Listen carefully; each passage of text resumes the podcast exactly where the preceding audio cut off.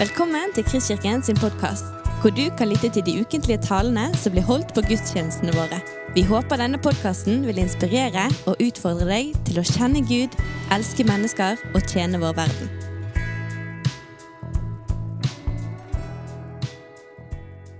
Du vet at eh, nå har jeg ført her rundt han, han, eh, han Per Oskar vet du, han holder jo på å ta livet av meg når jeg kommer til Bergen.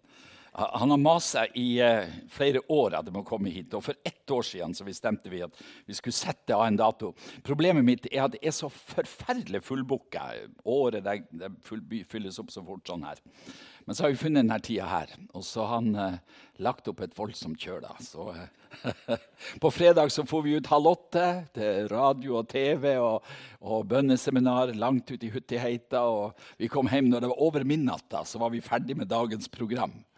Og I går hadde vi seks timer her. Jeg tenkte hjelp, hvordan skal jeg klare det? Så det kjennes i en gammel skrott nå at vi har holdt på her.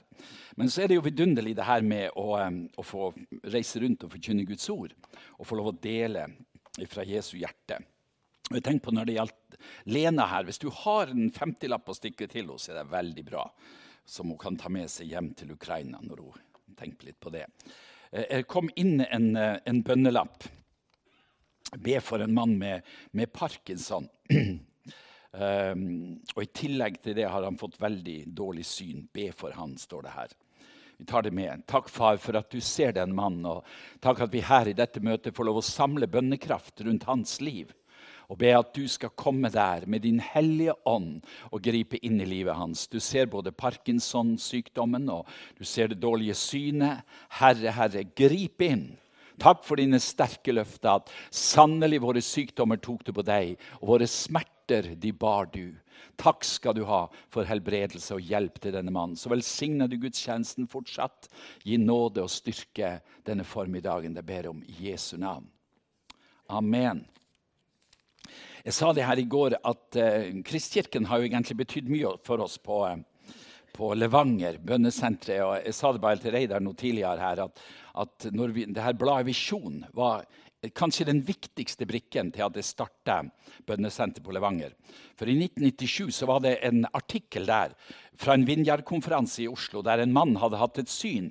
Han har blitt bedt for å ta en anglikansk prest, sier han. Og så han ramla opp i ledninger og greier som lå der. Og i tre kvarter så lå han der og så et syn over Norge, der Norge var uttørka fra sør til nord. Og så plutselig kom det opp en kilde midt i Norge, der det begynte å renne vann og forvandle det åndelige klimaet i det landet her. Og det her greip meg så veldig, og så tenkte jeg hvorfor skal ikke jeg få lov å være med på det? Så jeg, Gud begynte å jobbe med det her at jeg skulle starte et bønnesenter eh, midt i Norge. Og så Da bodde jeg i Brønnøysund, som heter kystbyen midt i Norge. Og Mosjøen heter byen midt i Norge. Men så kom det opp det her huset på Levanger. Jeg var blant annet og besøkte pappaen hans der på Levanger. Og, eh, og så kunne vi fått overta et sånt bed and breakfast-hotell, heter det. Et sånt overnattingssted som vi startet bønnesenteret. Og skulle du høre her, så var jeg så stressa at det var ikke ordentlig midt i Norge.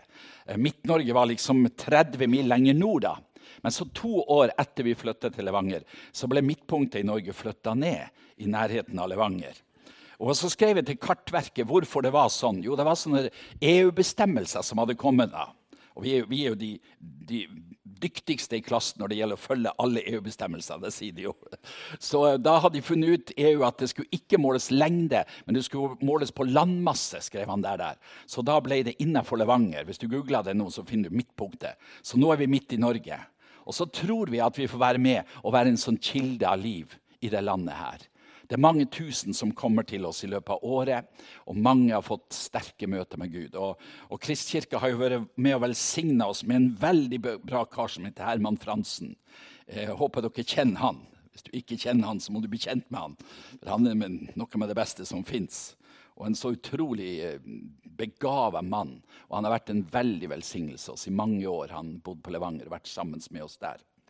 Så takk skal dere ha for at dere har sådd inn i bønnesenteret. Sendt misjonærer opp til oss. Det trengs flere misjonærer i Nord-Norge. Husk på det. Så eh, bare vær frimodig på det og komme og hjelpe oss lenger opp i nord. Jeg skal si litt. Nå er tida gått såpass langt. Du, du, må bare gjøre sånn her når jeg skal være ferdig. Så vet du når jeg skal være ferdig. Men det her med bønn er jo noe som har opptatt meg fra jeg var helt ung gutt. Eh, og, og bønnelivet mitt, eller kristenlivet mitt ble veldig forvandla gjennom at jeg møtte noen gamle bønnedamer i en pinsemenighet i Bodø. Jeg ble en kristen, eh, var ute på, på en stor skillesnørpe. Vi var 22 mann om bord. Og Der ble jeg frelst, og så skulle vi bygge om båten i Bodø. Og Så kom jeg dit, og så var vi en gjeng fra pinsemenigheten der som jeg ble kjent med, og som begynte å gå på bønnemøter hos eh, noen gamle damer. Og de gamle damene de hadde en sånn veldig frisk måte når de snakket om bønn. De sa det, det er jo så herlig å be til Gud. Det er jo så vidunderlig med bønn. Å, nå skal vi ha oss et salig bønnemøte, sa de. Så de, de sånt, og så smatta de gjerne når de snakka om bønn. da. Så jeg, jeg, var 16 år gammel, og så tenkte jeg det der må jeg greie å få tak i det de har. Uh, og de, de, var jo spesielle. da, De, de ropte 'glory', og jeg vet, jeg vet, ikke om de visste hva det betydde. Uh, ei, ei dame ropte 'glory shabaktani' hele tida. Uh, som hun liksom hadde et sånt bønnerop. Men de her de dro meg inn i et bønnefellesskap som gjorde meg veldig tørst på mer ut av Gud. Og Der opplever jeg å få kallet også til å bli evangelist. Og jeg var jo ikke villig til det. Min drøm var å være fisker. All min familie var fiskere, og jeg, jeg var helt gal etter å fiske da, og være på havet. Men så viste Gud med et syn der i, i et bønnemøte. For jeg var ikke villig, bl.a. pga. fødselsmerket som jeg har. Så kunne jeg ikke tenke meg å bli predikant. La meg være fisker, la meg ha min egen sjarke. Jeg sa til og med Gud hvis det hjelper, så skal jeg kalle den for Noas sjark. Eh, men, eh, men, det hjalp ikke. Og så argumenterte jeg veldig med Gud og sa du skjønner, når jeg er lagd sånn med et svært fødselsmerke midt i ansiktet, så kan jeg ikke stå foran folk. Det er jo greit at torsken ser meg, men la ikke folk se meg. Sånn argumenterte liksom overfor Gud. Men så i et sånt bønnemøte så, så et syn som var så dramatisk, der det som mennesker gikk på, var på vei til fortapelsen, rasa utfor et stup, og så at der var det en som sto og, og stoppa det igjen, og det var mitt kall da. Og siden så har jeg jo vært eh, evangelist. Og du vet at det å få være evangelist det er noe fantastisk. Tenk å på heltid kunne reise rundt og skryte av Jesus. Det er jobben min. Det er heltidsjobben min. Og så får jeg lede en del folk til han og si Jesus, vær så god, her har du en til. Her har du en til. her har du en til. Det er heltidsjobben min. Og det har jeg holdt på med i 54 år. Begynte i Norsk Luthersk Misjonssamband, endte etter hvert opp i Misjonsforbundet. Og siste årene har jeg reist for Nordic Mission, som er organisasjonen som vi har starta. Eh, og det her med bønn, da, som, som, grep meg hos de gamle bønnedamene, det har betydd enormt mye for mitt liv. Det å få lov å søke Gud, leve sammen med Gud, kjenne hvordan det er en sånn fylde som ligger her å be. Og Jeg nevnte det i går her på bønneseminaret at et av de viktigste versene for meg i Bibelen. Og så Et sånt sentralt vers om bønn er det som står i 1. Korinterbrev 1,9. Jeg har aldri hørt noen ha preika over det, men jeg har preika mye over det. da. Og Der står det sånn Gud er trofast, han som har kalt dere til samfunn med sin sønn Jesus Kristus, vår Herre. Gud er trofast, han som har kalt dere. Hva han kalte dere til? Han har kalt dere til samfunn med sin sønn Jesus Kristus, vår Herre. Og Dette er det viktigste elementet i mitt bønneliv. Ikke bønnesvarene får, og det oppleves sånn der, men det å få lov å daglig ha det her nære fellesskapet med Jesus. Eh, gå og mumle på hans navn, smatte litt på det og tygge litt på det. og Hele tida kommunisere med himmelen. Og du kjenner hvordan det fyller opp ditt liv med en sånn rikdom. Det å ha det daglige bønnefellesskapet med Jesus. Og det kjerna i det kristne bønneliv. Det er at du skal få lov å drikke inn ifra Jesus hver dag. Jeg var på et møte i Oslo med Heidi Baker en gang. og Så eh, ble jeg bedt for der, og jeg ramla om på gulvet sånn her og lå der. Og Så tok hun drikkeflaska si og så spruta hun i munnen min og så sa hun at du må huske hver dag å drikke fra Jesus. sa hun. Og Så ba hun litt for meg. Og Så spruta hun en gang til. Ikke glem å drikke fra Jesus, sa hun. Og det er klart, En sånn forbønn det husker du når du har fått, fått drukket drikkeflaska til Heidi Baker. Det er sterke saker. Men iallfall så har det her betydd så enormt for meg å få lov å drikke inn ut av det som Jesus har i bønn. Og det her er det er kanskje det, mest, det viktigste for oss som stresser nordmenn, at vi får lov å drikke inn gjennom bønn og fellesskap med Jesus i hverdagen vår. Og eh, du vet at Det står om, om Paulus han driver og ber i Efeserne 3, så sier han derfor bøyer mine knær for Faderen, han som har gitt navn til alt som kalles far og barn i himmel og på jord, at dere må bli fylt av hele Guds fylde. Det ba Paulus om. At de måtte fylles opp av noe fra Gud. Og I Apostelens gjerninger 4.31 så står det etter at de hadde bedt, skalv stedet der de var samlet, og de ble alle fylt av Den hellige ånd. Altså Det kom ut av bønnefellesskapet. Og, og, og Bibelen den, den, snakker jo om det her, hvordan det er en sånn skatt som er lagt inni oss, vi som lever med Gud. Den dyrebare skatten. Uh, og Det står at vi har denne skatten i leirkrukke, og det kjenner vi på. For at den veldige kraften skal være fra Gud, og ikke fra oss selv. Jeg tok med meg to flasker her. Her har jeg ei, ei flaske som er full. Helt fylt. Og det, det, det er fantastisk med ei full eh, sånn drikkeflaske. Uh, jeg kan prøve å presse på den. Jeg klarer ikke å knuse den på noe vis. For den har et sånt indre trykk. Eh, forrige uke var jeg i Istanbul på en pastorkonferanse med, med pastorer fra den arabiske verden. Og Der var det en pastor fra Bagdad i Irak som hadde blitt så voldsomt torturert og mishandla. Men så sa han det merkelige. Han sa de holdt på med hele natta. De slo meg med balltre, de slo meg med, med geværkolbene sine. Men på morgenen når de slapp meg fri, så hadde jeg ikke en eneste skramme, et eneste sår. Jeg hadde ingen smerte i kroppen min lenger. For trøkket på innsida mi var mye sterkere enn trøkket som kom utenfra. Og det er noe med det å tåle verdens trykk. Og da må vi fylles opp med det som fins ifra Gud. Du vet, En tom flaske den tåler ikke mye trykk. Ser du denne her? Så lett er det å ødelegge den. Du kan prøve å ødelegge. Jeg har prøvd å stå på den her. Jeg får det ikke til å, å knuse den, for den har et sånt indre trykk. Og I, i en, en, engelsk oversettelse av det her om skatten i leirkaret så står det sånn her Vi er som vanlige leirkrukker som bærer den strålende skatten i oss, slik at den ekstraordinære strømmen av kraft vil bli sett som at den er fra Gud og ikke fra oss selv. Var ikke det fint sagt? Den strålende skatten i oss, slik at den ekstraordinære strømmen av kraft vi blir sett på som den er fra Gud, og ikke fra oss selv. Og Det som forundrer meg mange ganger når det gjelder det her med bønn, det er hvordan enkle mennesker blir brukt av Gud i bønn. Eh, ofte ubetydelige mennesker. Mennesker som ikke betyr noen ting i samfunnet. Eh, Oddvar Sjøvik har jo skrevet en fantastisk bok om bønn som heter 'Bønn fremfor alt'. Og Der skriver han bl.a. om ei dame oppe på Toten som var ei sånn bønnedame. Og Så kom det en predikant som var ganske ukjent, hadde aldri stått i vekkelse. Og så bryter ut vekkelse på Toten gjennom denne eh, indremisjonspredikanten som kommer.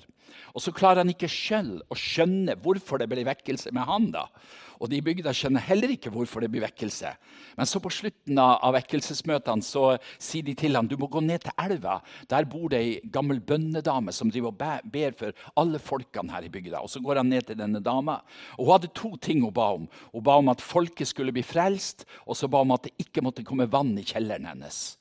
Det var sånn daglige bønner som hun hadde. For elva hadde gått over breddene, gått inn i kjelleren hennes en gang. Og det var hun så redd for. Og Så kommer predikanten til henne og så spør denne gamle dama hvem er det som har tatt imot Jesus. Og Så nevner han opp navn etter navn. Og Så går hun i nattbordskuffa si og så henter hun bønnelista si. Og Så kan hun og predikanten gå igjennom navn etter navn etter navn. etter navn. Det var de som hun hadde bedt for og gjennomdynka med sitt bønneliv, som nå var blitt frelst og tatt imot Jesus. Og Dette er en sånn fantastisk sannhet om at enkle mennesker som meg og det kan bli brukt av Gud. Vanlige folk. Jeg og du, vi kan bli, jeg, jeg bruker å si til folk at nå må du begynne å tro på ditt eget bønneliv. Noen sier ja, tenk om Svein Magne kunne ha bedt for meg, eller den og den predikanten kunne ha bedt for meg. Men i ditt liv så finnes det en kraft og en kraftkilde som kan forvandle omstendigheter ved at du ber til Gud. Det står et, et eh, vers i Jesaja 62 som, som, som, som, dere kjenner til også. Jeg har satt vaktmenn ut på murene dine i Jerusalem. De skal aldri tie, verken dag eller natt. Dere som påkaller Herren, undrer ingen ro. La ikke Han få ro, for han bygger Jerusalem opp igjen og gjør henne til en lovsang på jorden. Jeg har satt vaktmenn ut på murene dine, Jerusalem. Og Vi skjønner ut av konteksten her at her er ikke vanlige vaktmenn, men det her er bønnevaktmenn. Og du vet at det her Å være en, en bønnevaktmann i den nye pakt det er noe helt annerledes enn å være en vaktmann i den gamle pakt. Eh, fordi at I Johannes 10 og, og, vers 1 så står det om den hyrden som kommer inn gjennom døren. Hør, Jeg må bare lese hva det står her. Men eh, Da sier Jesus jeg er hyrden, og står at tyven kommer over et annet sted. Men den som kommer inn gjennom porten, er gjeter for sauene. Vaktmennene åpner opp for ham, og sauene hører stemmen hans. Han kaller sine egne sauer ved navn, og han fører dem ut. Når han har fått ut alle sine, går han foran dem, og sauene følger ham, for de kjenner hans stemme. Den gode hyrden kommer. Hvem er det som lukker opp for han? Det er vaktmennene. Og Mange er veldig fokusert på det her at, at vi som bønnevaktmenn skal være med å beskytte byen vår, beskytte landet vårt. Og, og, Det er også en sannhet. Men i den nye pakt så er du som vaktmenn først og fremst en døråpner som kan åpne opp byen din for Jesus Kristus gjennom ditt bønneliv. Jeg opplevde det så, så sterkt. Jeg sto i en veldig sterk vekkelse i Karasjok i 88 og 89. Da var det gått ei selvmordsbølge over denne lille bygda. 2800 mennesker bodde i Karasjok. Og tolv unge mennesker hadde tatt sitt eget liv. Det var hovedoppslag i VG, Dagbladet, Aftenposten eh, dag etter dag når nye tok sitt liv. Og Myndighetene var helt fortvilt. Hva skal vi gjøre? De hadde psykologer som jobba inn mot skoler. Og, og, til slutt så kom helse- og sosialsjefen og sa at, at vi vet ikke hva vi skal gjøre. Nå må de kristne komme og hjelpe oss. Og Så ringer pinsepastoren der oppe til meg og sier at kan du komme opp og evangelisere i Karasjok. Det er så fortvilt der oppe. Så tok jeg med meg ti ungdommer, og så reiste vi opp. Og Så begynte vi å evangelisere. Vi fikk masse skoletimer. Vi var mye på diskoteket og på puben der oppe og sto på gata og, og evangeliserte. Alt vi, vi kunne, så gjorde vi det som vi kunne tenke skulle bringe vekkelse i Karasjok. Og så var det bare tungt og mørkt og hardt. Ingenting skjedde. Og Så bestemte vi oss for at det her går ikke. Her må vi gå inn i bønn og faste. Så vi begynte å faste og be. Og um, gikk litt på skift sånn her, faste og ba. Gud, du må komme oss til hjelp her i Karasjok. Og så har jeg ei sånn gammel og litt original bønnedame som har bedt for meg hele mitt liv. stort sett. Hun er fra Karasjok, men hun bor i Trondheim. Og så plutselig en lørdags formiddag så ringer hun og sier at, at jeg har vært ute og bedt. Jeg har vært ute med hunden min og bedt. Hun har en sånn bønnehund som drar henne i bønn. da. Så det er jo fint. Mannen hennes er ikke kristen, så når hun skal be, så sier hun jeg må ut og lufte hunden. Det er jo fint. Uh, og så har hun vært i skogen, da, og så sa hun at, at når jeg var der ute, så visste Gud meg at i kveld så kommer vekkelsen til Karasjok. kommer den første bølga av vekkelse. Og så vil det komme bølge på bølge, sa hun. Og jeg, jeg syns alt var så tungt at jeg sa det går ikke an, for det er bare hardt og tungt og mørkt i Karasjok. Ja, men i kveld så skjer det, sa hun. Hun hadde fått det fra Gud. Og så den kvelden så fylles da pinsekirka med unge mennesker. Noen hadde med seg brennevin, og noen røyka. Og, og den gamle pinsepastoren var helt sjokkert. Det her må være djevelens verk, sa han. At de tar brennevin inn, inn, i kirka. Men vi kjente jo lukta av syndere, så plutselig var de jo der. De som vi lengta skulle komme.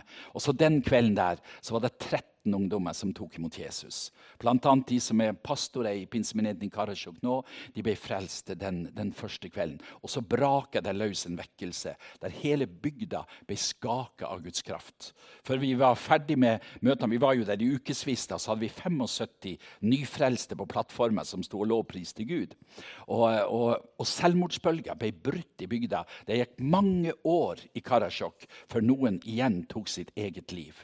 Og, men kraften lå i enkle mennesker som ba til Gud. Blant annet så var det tre stykker. Det var ei, ei eh, gammel dame, eller tre gamle som lå der på sine kne og gråt og ropte til Gud. Gud, om ikke du kommer til Karasjok, så ta oss herifra. Vi klarer ikke mer for at du bryter igjennom. Og så brøt Gud igjennom, og så fikk de være en del av vekkelsen. Og Dette forteller hvilken kraft som ligger hos de her vaktmennene der vi var med i Karasjak, sa Jesus, du må komme. Nå har djevelen gått her med all den forferdelige selvmordsbølga, depresjon og mørke. Og så kom Jesus inn. Og du vet, Når Jesus kommer inn døra til Karasjok, så drypper det velsignelse og en glede. Du vet, Det er ungdommene som blir så frelst. De opplever en sånn, en så sterk glede i det her. Jeg husker jeg ba for en som heter Ole Jonny. Vi lå på, en, på kne der. Så mens jeg ber for ham, så reiser han seg opp og så sprenger han på dør.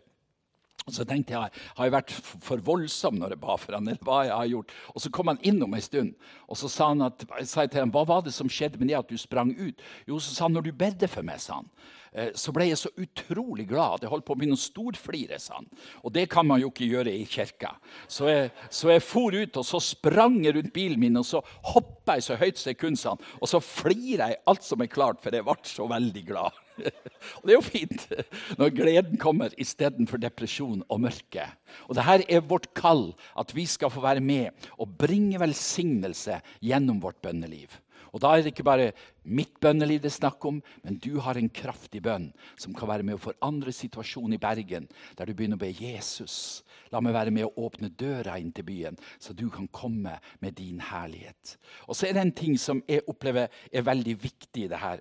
Det er at vi er, vi er kalt til å be Guds velsignelse over byen som vi bor i.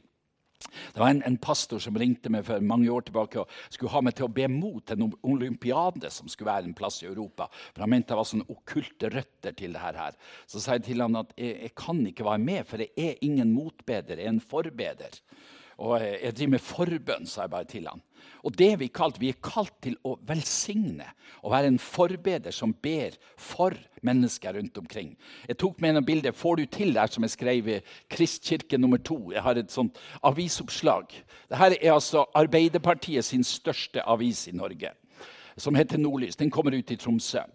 Og så har jeg vært og bedt ut på ei øy der, og så står det her 'Predikant ba for halve sommerøya'. Fiskerne fyller båtene til ripa, hotellet går så det griner, og turismen blomstrer. Milde Moses for en fangst. Det, det, er ikke, det, er ikke, verst av, av Nordlys å skrive det. Og så tar vi inne, Hvis vi blar videre til neste side, på innersida, så har Nordlys skrevet 'halleluja'. Og det er ikke ofte Nordlys skriver 'halleluja'.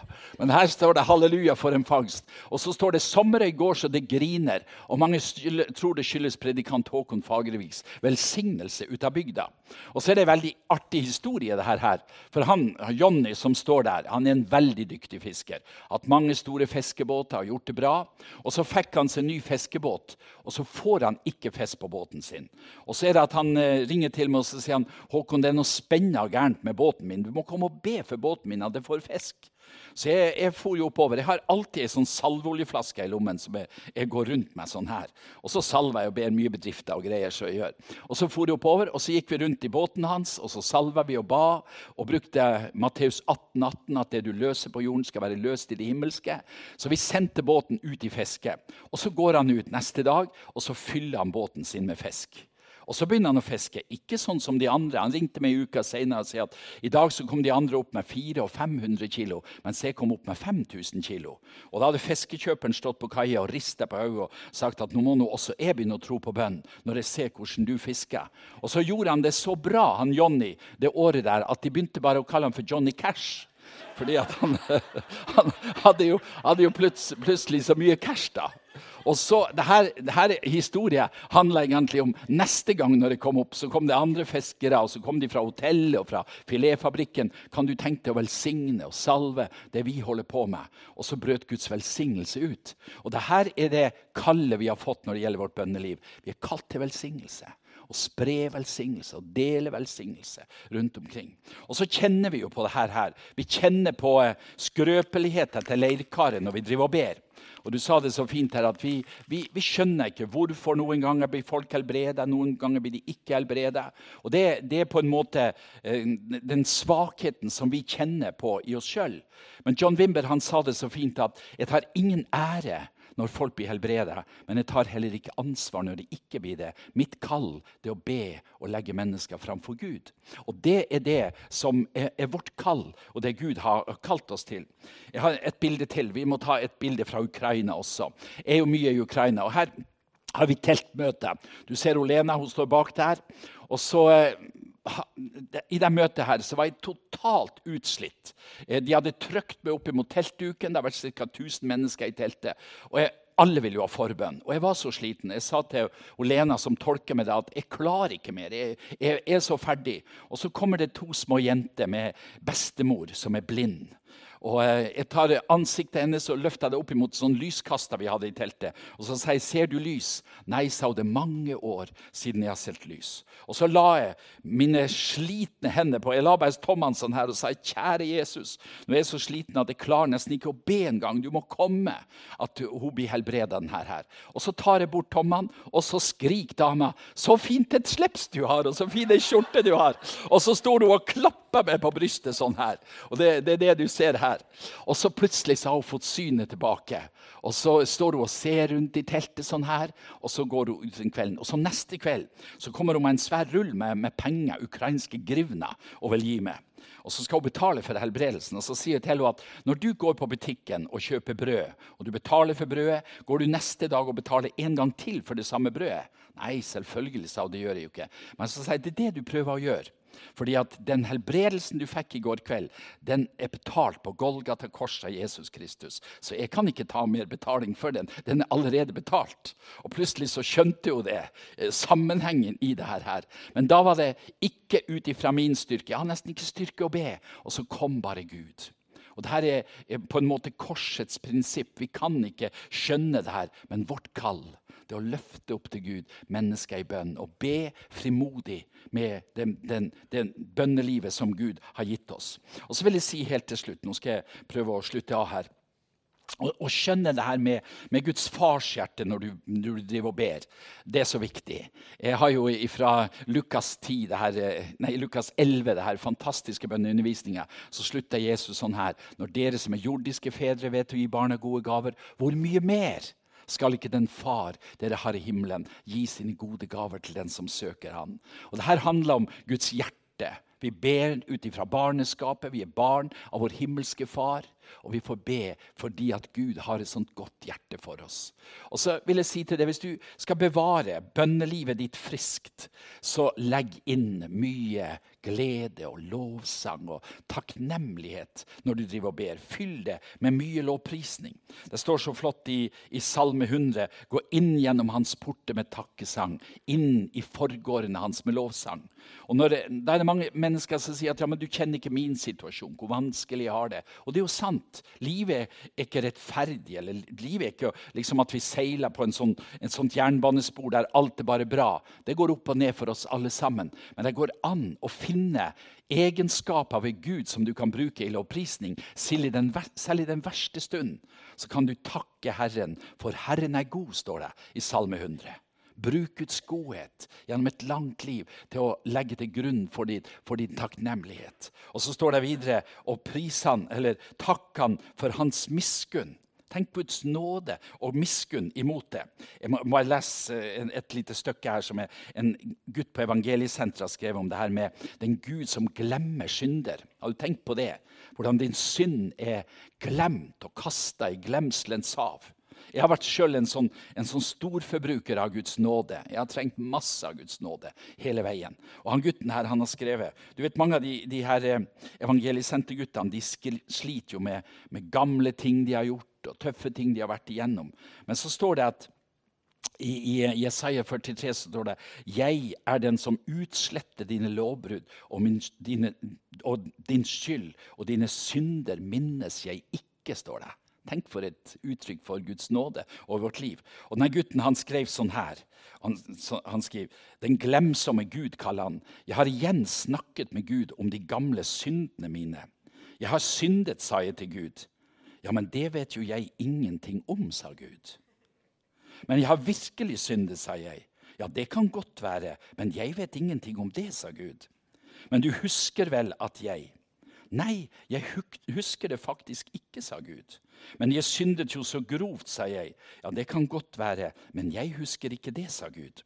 Så sa han, syndene dine de ligger der ute i glemselens hav, og de synker og synker. Men det skal vi gjøre opp for dem. Jeg har jo gjort opp for dem, sa Gud.